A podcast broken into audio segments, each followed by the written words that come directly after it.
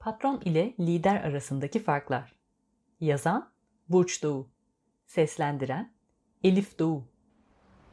Erhan sabahları onu işe götürecek otobüsü beklerken atıştırmak üzere yakınlardaki pastaneden iki poğaça alırdı.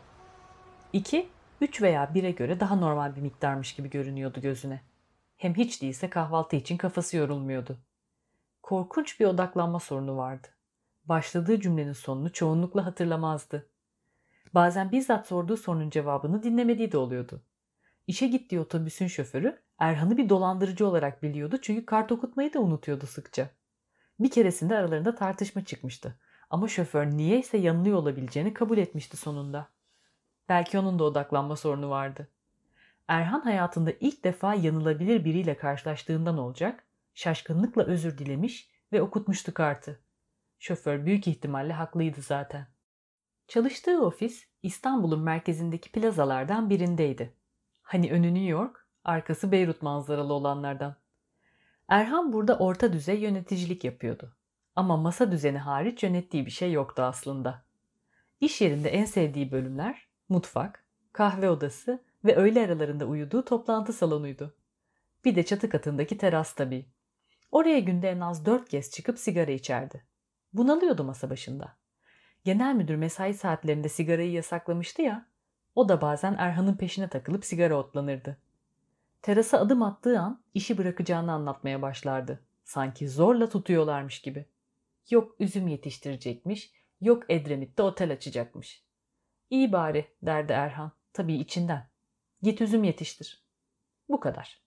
İçinden de olsa müdür öyle tunturaklı yanıtlar vermezdi. Çünkü kötü niyetli biri olduğuna inanmıyordu. Erhan'ın 6 yılda idrak ettiği kadarıyla genel müdürün tek görevi merkezden gelen kararları ofise iletmekti. Kararlar çoğunlukla o kadar saçmaydı ki çalışanların şikayetleri merkeze ulaşmasın diye her ofise genel müdür atanıyordu. Genel müdür ilerleyen günlerde istifa edemeden kovuldu. Fakat beklenmedik bir durum değildi bu. En başarılı olanı iki sene dayanabilmişti zaten. Şaşırtıcı olan merkezden gelen bilgilendirme mesajıydı. Yazılana göre önümüzdeki hafta ofisi ziyaret edecek olan yönetim kurulu temsilcisi çalışanlarla birebir görüşmeler yapacak ve değerlendirme sonunda aralarından birini müdür atayacaktı. Ofisin havası saniyeler içinde değişmişti. Herkes birer barış elçisine dönmüştü aniden. Yegane tartışmalar öğle yemeğini kimin ödeyeceği ve kahveleri kimin yapıp getireceği üzerine oluyordu. Klima için bile tatsızlık yaşanmıyordu. Kumanda bir çeşit ikramlık haline gelmişti. Erhan müdürün ziyaretine bir gün kala terasta sigara içerken daha önce hiç görmediği biriyle karşılaştı. Evet diye seslenmişti çakıl taşlarını gıcırdatarak yaklaşan gölge. Depresyonda olabilirsin. Arkasına aldığı güneş yüzünü karartıyor olsa da sesinin yabancılığı kesindi. Erhan kimsin gibisinden çıkışmıştı ya. Hiddetten çok tedirginlik içindeydi aslında. Gölgenin belirişinden biraz önce sahiden depresyonda olduğunu geçiriyordu içinden ve sesli düşünmediğine neredeyse emindi. Gri takım elbisesiyle zengin muhit emlakçılarına benzeyen adam elini uzattı ve ''Faruk ben'' dedi. Yaşam koçu, ayrıca yönetim danışmanıyım. Eli havada kalır gibi olunca silahşör atikliğiyle ceket cebinden çıkardığı kart vizitini takdim etti. Erhan kart viziti incelerken Faruk sohbeti ilerletmeye başlamıştı bile. Önce depresyonu tanımladı biraz. Depresyonda olan insan, dedi, canını sıkanın ne olduğunu bilir. En ince ayrıntısına kadar tanır. Neden? Çünkü çözümsüzlük sorunu netleştirir. Tıpkı berrak bir nehrin dibindeki çakıl taşları gibi. Eğildi ve yerden bir taş aldı. Şu taşı uzandığın gibi alabilirsin.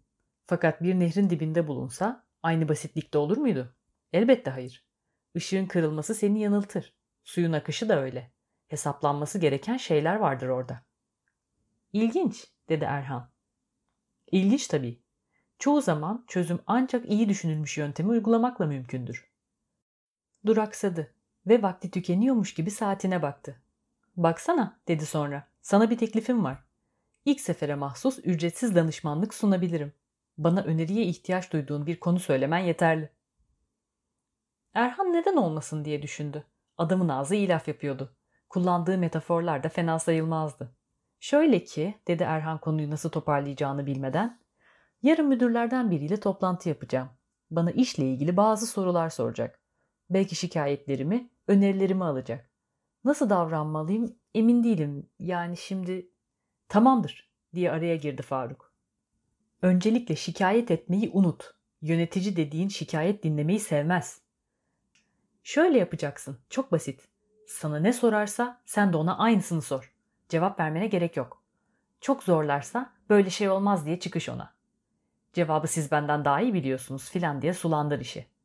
Sakın ama sakın öneri sunma. Bir insanın, hele ki müdür insanının duymak isteyeceği son şey öneridir. Bu çok açık. Kim ne yapsın öneriyi kardeşim gerek mi var bu devirde? Erhan işittiklerinin saçmalık olduğunu düşünmüşse de ertesi gün hepsini uyguladı. Daha iyi bir planı yoktu zaten. Hem ne fark ederdi ki? Altı senedir terfi alamamıştı. Önemsizliğin cesaretine sahipti artık. Bu yüzden toplantı sırasında bolca haşladı müdürü. Yeri geldi böyle şey olmaz diye çıkıştı. Bazense masaya vurup siz daha iyi bilirsiniz dedi homurdanarak. Öneri filan sunmadı. Şikayetleri danışıldığındaysa benim yok sizin var mı gibi bir şeyler geveledi. Tansiyonu yükseldiğinde ne olacak kendi ağzından çıkanı bile işitmez hale gelmişti. Ama işte müdür o an ağlamaya başladı. Evet dedi hıçkırıkların gerisinden çok şikayetçiyim. Gözyaşlarını kravatına sildi ve oturduğu yerde toparlandı. Önündeki not defterini kapatıp bakışlarını tavan aydınlatmasına çevirerek hayatından bahsetmeye başladı. Konuştukça açıldı, ferahladı. Derken terasta sigara içmeyi teklif etti. Erhan da tamam dedi ne yapsın. Terasa çıktıkları gibi müdür birdenbire işi bırakacağını söyledi. Öyle ki daha ikinci adımını atmamıştı bile. Çekilecek dert değildi bu şirket. Öyle böyle değil berbattı gerçekten. Erhan buraya çıkan kafayı sıyırıyor diye geçirmişti içinden. Yine de nezaketen niçin diye sordu.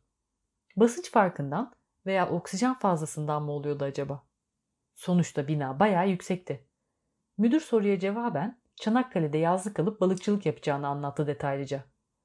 O kadar uzattı ki üçüncü sigarasını söndürdüğünde henüz Çanakkale feribotlarının çay servisinden bahsediyordu. Erhan ertesi hafta resmi bir bilgilendirmeyle yıllardır hak ettiğini düşündüğü terfiyi aldı. Genel müdür olmuştu artık. Süper haber. Hemen annesini arayıp durumu anlattı ve birkaç kişiyi kovacağını söyledi. Böyle bir yetkisi yoktu aslında ama anası gurur duysun istemişti. Arkasından şu yönetim danışmanına ulaştı ve öğleden sonra ziyarete gelmesini söyledi. Sonra iyisi mi çatıda toplanalım diye düzeltti kendini. Danışmanlık aldığı ofiste duyulursa otoritesi sarsılabilirdi. Yeni odasının kapısını kapattı ve bir kutlama sigarası yaktı koltuğuna kurulmuş halde. Kendini çok uzun zamandır ilk kez iyi hissediyordu. Huzur içinde havalandırmanın gürültüsünü dinledi. Ta ki duman alarmı ötmeye başlayana dek. Otoritesinin bozulmaması için yavaşça ayaklandı ve demek tavandaki şeyler süs değilmiş diye söylendi. Şirketin parasını böyle şeylere harcıyorlar. Öğleden sonraki toplantı biraz gergin başladı çünkü Faruk 3 dakika kadar gecikmişti. Durumu görmezden gelmiş olsa da Erhan genel müdürleri yaraşır biçimde kaşlarını çatıyordu. Sonra yumuşadı.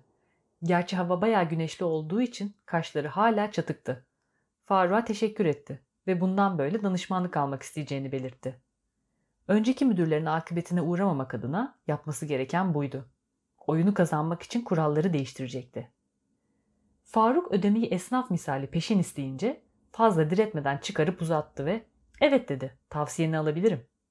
Ardından saatine baktı ki o an mühim bir şeyi fark etti. Artık eskisi kadar sık çıkamayacaktı terasa. Bir sorumluluğu da insanları buraya çıkartmamaktı zaten.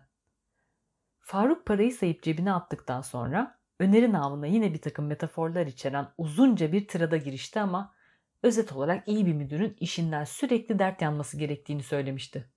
Bıkmış görünmesini ve sıkça istifa edeceğini söylemesini. İşin püf noktası, dedi başını sallayarak, takım ruhudur. Müdür dert yandıkça çalışanlar sempati duyar. Onun da kendileriyle aynı tarafta olduğunu düşünürler. Hani şöyle bir canlandırma vardır. Liderle patron arasındaki farkı anlatan. Patron arabayı çeken çalışanlarına oturduğu yerden yol gösterirken lider ipi en önde göğüsleyerek işaret eder hedefi. İşte sen aynen onu taklit edeceksin. Çünkü liderlik diye bir şey yoktur. İş hayatında varılacak bir yer de yoktur, hedefte. Sadece değişim ve kaos vardır. Erhan duyduklarının üzerinden geçti. Düşündü ve bu kadar mı yani diye sordu sonunda. Kuralları değiştirecek öneri bu muydu? Başına müthiş bir ağrı saplandı. Dolandırılmış gibi hissetti kendini. Şu saçmalığı dinlemek için tam bin lira vermişti. Aldığı zamdan bile fazlası. Başka öneri yok mu Faruk? diye üsteledi son bir umut. Bir iki tane daha çıkar senden düşün hadi. Faruk mesafeli bir tavırla başka ne olacak diye söylendi. Eli paraları koyduğu ceket cebinin üzerindeydi. Alt tarafı beyaz yaka hayatı. Mail cevaplıyorsun ve öğle yemeğinde ne yiyeceğini düşünüyorsun. Duraksadı, başını kaşıdı. İstersen ek olarak civarda birkaç tane iyi kebapçı önerebilirim. Öğle aralarında gidersin. Benim ofis olarak kullandığım kafede var bir tane. İnterneti bedava. Saatine tekrar göz atan Erhan, tamam söyle bari dedi bıkkınlıkla. Artık odasına dönüp maillere bakması gerekiyordu. Gömlek cebinden not defteriyle kalemini çıkardı ve boş bir sayfa açtı. Dinliyorum. Sodexo geçenlerden başla.